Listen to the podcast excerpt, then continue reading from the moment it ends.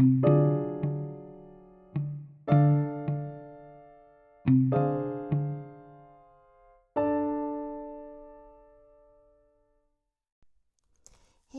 Välkommen till Förändring Nu-podden. Jag heter Linn och jag är en överlevare precis som du antagligen är. Syftet med den här podden är att lägga skammen och skulden på förövarna. Sprida utsattas berättelser och sprida fakta om våld i nära relationer. Om du vill dela med dig av din berättelse eller komma i kontakt med mig så finns jag via poddens Instagram eller via mail till podd forandringnu outlook.com. I det här avsnittet så tänkte jag fokusera på en av de olika typerna av våld som man kan utsättas för. Och det är det ekonomiska våldet. Man kan tänka att det inte är så mycket eller illa att utsättas för, men det är ofta en av de största anledningarna till varför kvinnor inte kan lämna relationen. För att för förövaren kontrollerar det ekonomiska och kvinnan har inga möjligheter att ta sig ur och flytta. Speciellt också om det finns barn med i bilden.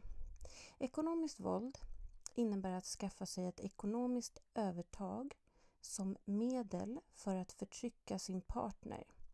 Det kan gälla rätten att ifrågasätta inköp, kräva något i utbyte mot pengar eller som i mitt fall, skuldsätta mig och se till att få ett fett sparkonto själv. Denna typ av våld kan pågå parallellt med andra typer av våld såklart, eller separat. Och det här påverkar ju kvinnor olika.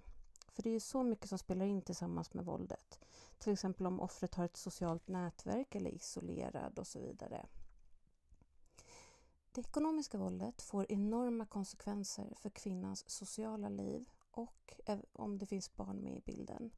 Har man inga pengar så blir det svårt att upprätthålla ett socialt liv. Det ekonomiska våldet har en enorm påverkan på kvinnans hälsa, både den mentala och den fysiska hälsan. Sömnbrist, ångest, stress, muskelvärk, smärta, migrän, depression. Det här är några av de tillstånd som uppstår på grund av våld i nära relation. Och det kommer även då även på grund av ekonomiskt våld för det ökar stressen i kvinnans liv.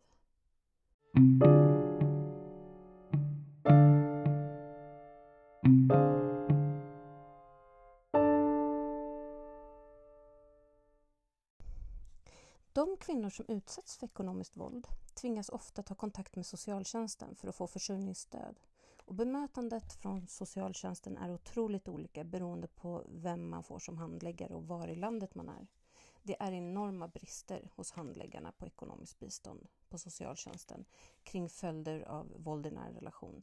Det är inte ovanligt att inställningen verkar vara att kvinnan själv är ansvarig för situationen hon är i och att handläggarens skam och skuldbelägger kvinnan. Det är tillräckligt svårt att behöva vända sig till socialtjänsten som en vuxen kvinna som, som vill kunna klara sig själv. Men samtidigt också få, få höra att man själv har satt sig i situationen. Man behöver inga pekpinnar. Men offer för våld i nära relation, de är ju inte själva ansvariga för det som förövaren utsatt dem för. Och de behöver ju allt stöd de kan få, eller vi kan få, istället för mer svårigheter. Många kvinnor som intervjuats om deras erfarenheter av socialtjänsten efter de utsatts för våld i nära relation berättar att de blivit ifrågasatta. Och för en kvinna som utsätts för våld kan alla frågor och en dålig attityd upplevas som ett misstänkliggörande. Ofta kan förövarna kräva att ha tillgång till kvinnans inkomst och utgifter medan kvinnan inte har någon insyn kring mannens inkomst, sparande och utgifter. I mitt fall så ansåg och krävde han att till och med då jag inte kunde arbeta på grund av stora komplikationer efter jag förlorade en bebis och nekad sjukpenning, att jag ändå skulle stå för mer av hälften av räkningarna och jag tvingades köpa mesta maten. Medan jag vände och vred på varenda krona så sparade han ihop tiotusentals kronor på ett sparkonto. Det är helt absurt. Sedan ansåg han också, eftersom jag hade mitt barn sedan innan, så borde jag egentligen stå för två tredjedelar av alla räkningar. Han som verkat så snäll och omtänksam innan vi blev ett par blev ett monster och totalt iskall. Så trots att jag genomgick operation efter operation efter förlusten av vår bebis och hade nekad sjukpenning så krävde han pengar. Riktigt hotfullt krävde att jag skulle ta lån efter lån för att betala räkningar medan han kunde spara undan pengar och pensionsspara åt sig själv.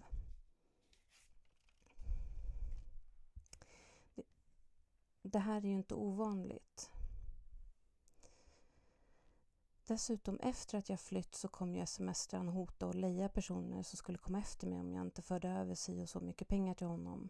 Och sånt här måste ju eh, ekonomiskt bistånd, försörjningsstödsenheten eller vad de nu kallar sig på socialtjänsten måste lära sig och kunna bemöta det här. Det var även i den här vevan som min pappa vände mig och mitt barn ryggen. För att enligt honom så var jag lat som inte arbetade och jag ville leva på alla skattepengar och slippa jobba. Och att jag överdrev och att det var mitt fel, alla skulder och allting hade kommit, att det var mitt fel. När jag försökte förklara det ekonomiska våldet som jag utsatts för och att jag inte kunde arbeta på grund av det stora hotet som mitt ex var mot mig så kallade han mig lögnare och att jag överdrev och hittade på. Och det var min pappa som jag suttit och berättat delar av det enorma våldet jag utsatts för. Och I samma veva så började min mamma hoppa på mig att jag borde jobba, att jag överdrev, att män kan vara lite knepiga. Men vad skulle han göra med, mot mig egentligen? Liksom? Henne hade jag också berättat för det våld jag utsatts för. De som borde fångat upp mig och funnits för mig och mitt barn under en av de svåraste perioderna i mitt liv vände oss ryggen och kallade mig dessutom för lögnare. Och det här är inte heller ovanligt. Många runt omkring kvinnor som lever i, såna här, i de här relationerna eller när de flytt vänder ryggen eller finns inte för dem. Så att ofta står kvinnan väldigt mycket själv i det här. Och med detta vill jag bara belysa hur utsatta kvinnor är som blivit utsatta för bland annat ekonomiskt våld och hur okunniga personer är.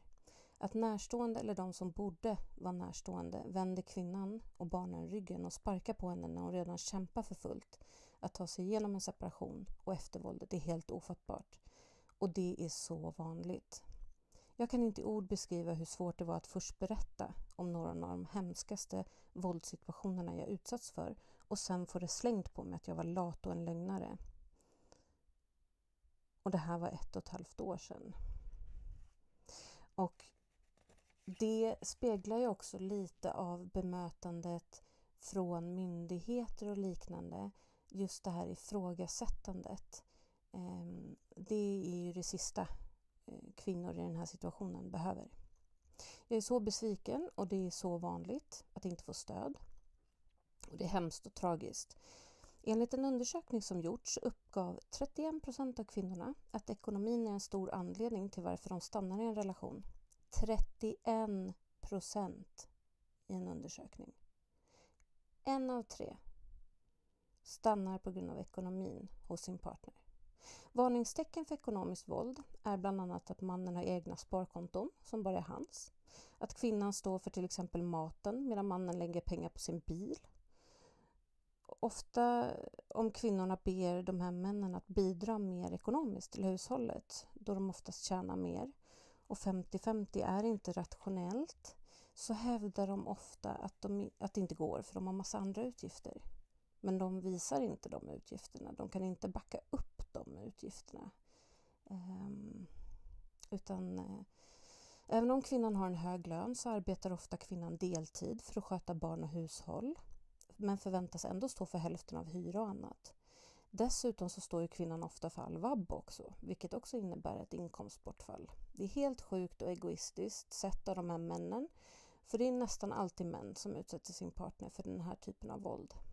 Sen ökar också kvinnans sjukdomsdagar om hon samtidigt utsätts för psykiskt och fysiskt våld. Och om han tvingar henne att ta lån i hennes namn så försämras hennes kreditvärdighet och hon kan sen inte ens, om hon vill lämna, beviljas bolån med mera och kanske inte ens ett hyreskontrakt. Så det är ett enormt stort problem i samhället och man måste skapa lösningar på det här. Enligt en forskning så minskar kvinnors inkomst i snitt med 25 procent då de är i en relation där de utsätts för våld. Alltså en fjärdedel av deras inkomst som de har innan min, alltså de, de, deras inkomst minskar med en fjärdedel, det är helt galet. Och enligt forskning så ökar kvinnors sjukfrånvaro, sjukfrånvaro ursäkta, med 20 procent på grund av psykiska eller fysiska men av våldet från en partner eller en före detta partner. En alltså 20 procent. Vilket är ett inkomstbortfall med. Konsekvenserna av ekonomiskt våld är förödande. Kvinnors livsutrymme och ekonomiska handlingsutrymme minskar trots att äkta makar enligt äktenskapsbalken ska leva med samma standard. Ekonomiskt våld är den våldsform som flest kvinnor drabbas av under sin livstid. 60 procent av alla kvinnor uppger att de utsatts för ekonomiskt våld. 60 procent. Helt galet.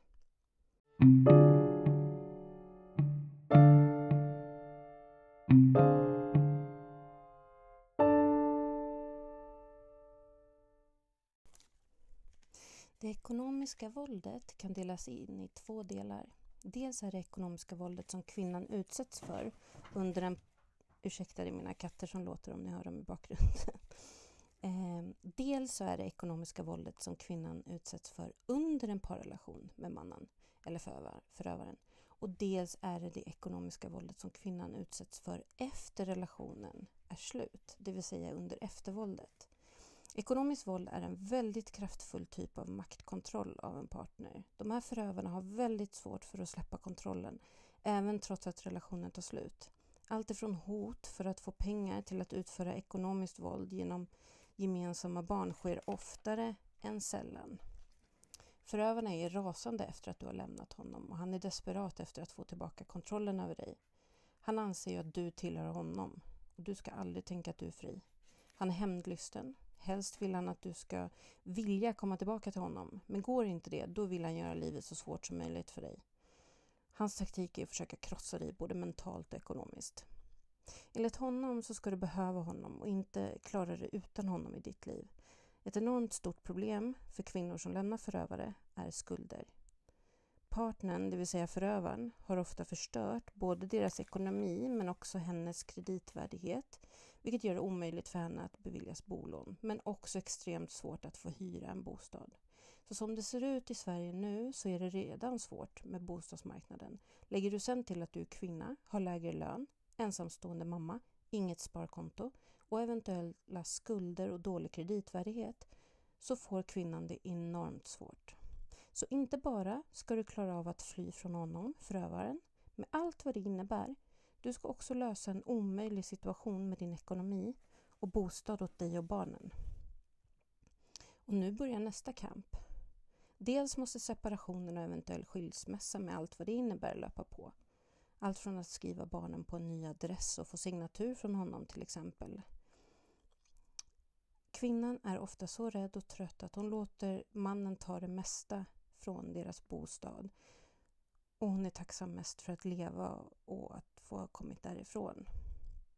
Förövare anser ofta att de inte ska betala för sina barn. Kommentarer såsom “hon har ju barnbidraget” och “jag tänker inte ge henne pengar så hon kan köpa saker för”. Det är extremt vanligt. Förövare ser ofta också till att om de är egenföretagare till exempel så ser de till att deras lön ska vara så låg eller ingen inkomst alls så att de ska slippa betala underhåll. Förövare går även så långt att det bara går via rättssystemet, allt för att slippa betala för de gemensamma barnen. Som hon med lägre lön oftast tvingas ta all vab och liknande får stå för allting själv. Sveriges gemensamma vårdnad förutsätter att föräldrarna kan kommunicera och att trots underhåll så ska de dela på högre kostnader såsom fritidsaktiviteter, cyklar med mera. Ofta tar inte mannen det ansvaret och kvinnan tvingas stå för allting själv medan mannen pensionssparar och sätter undan pengar. Eller hur? Känns det igen? Att män får agera så här och enbart bry sig om sig själva är helt ofattbart. USA har hårdare krav på underhåll, där du i längden åker i fängelse om du inte betalar för dina barn. Det borde Sverige också anamma, för de flesta ensamstående mammor går på knäna. Vi har trasiga kläder för att alla pengar går till barnet eller barnen. I värsta fall äter inte ens mamman mat, utan tar det som blir kvar efter barnen är mätta. Är det så här Sverige ska vara? Ska män och pappor kunna köpa nya bilar, nya kläder, festa med polarna, äta ute lunch på jobbet? Medan mamman och barnen äter gulasch och hon syr ihop hålen i deras kläder i brist på pengar. Är det så det ska se ut? För det är så det är för enormt många ensamstående mammor. Det är så varje dag.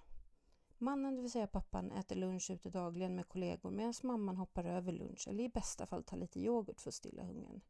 Så lever många separerade män och barnen ser och upplever det här. Det är inget de här männen gömmer. Barnen hör deras pappa tjafsa med mamman över att dela på kostnaderna av vinterkläder för deras barn medan han kör runt i sin nya bil med sin nya mobiltelefon. Är det här okej Sverige? På riktigt? Är det så vi vill ha det? För det här är inget nytt. Det har alltid sett ut så här. Bara att det blir värre och värre ju mer priser går upp och kvinnor blir deprimerade eller utmattade och får inte sjukpenning för att de är utförsäkrade. Det här är ett stort problem. Vi måste lyfta det här mer. Det nämns att ekonomiskt våld existerar ofta, men det finns sällan det är sällan man går in på vad det betyder och innebär. Och det här våldet skadar både kvinnan och barnen enormt och det leder även för de flesta till depression, ångest, stress och så vidare. Det måste pratas mer om. Alla olika sätt som förövare utsätter sin partner för, eller före detta partner för ekonomiskt våld. När ska män hållas ansvariga för sina handlingar och ha ansvar både ekonomiskt men på alla andra sätt också som man som förälder ska om sina barn? Hur kan män anse sig så stolta över sina liv och anse sig så bra men samtidigt inte ens mäta minsta möjliga gräns för att vara som förälder? Det finns inga ursäkter. Mammor kan ju inte bara komma och säga nej, jag har så mycket olika utgifter den här månaden så jag kan inte betala mat till barnen nu. Det händer ju inte. Kvinnor tar oftast ansvaret för sina barn men är inte båda barnen, alltså är inte föräldern, herregud, är inte barnen båda föräldrarnas ansvar? Hur kan män anse sig ha samma rättigheter angående umgänge etc. som mamman när de inte tar ansvaret för allt annat som barnet behöver? Rättigheterna ska enbart vara barnens rättigheter till sina föräldrar. Men brister en förälder i sitt föräldraskap, antingen genom att vara våldsam mot mamman och eventuellt barnen eller inte betalar hälften minst av vad som krävs för barnens liv så tycker jag att föräldern inte bör vara i barnens liv. Barn behöver trygghet och sunda vuxna omkring dem. Bara för att en man har delat sin sperma så gör de inte automatiskt till så kallad rätt till barnen. Pappor måste börja vara de som de hävdar att de är. Som jag har sagt förut, med makt och liknande kommer skyldigheter. Barn ska inte vara omkring personer som anser sig ha rätten att utöva våld mot deras mammor och direkt eller indirekt mot barnen. Vi måste prata om det här mer och det är så viktigt att få till en förändring nu. Det här var allt för det här bonusavsnittet. Ta hand om er så hörs vi i nästa avsnitt. Hej!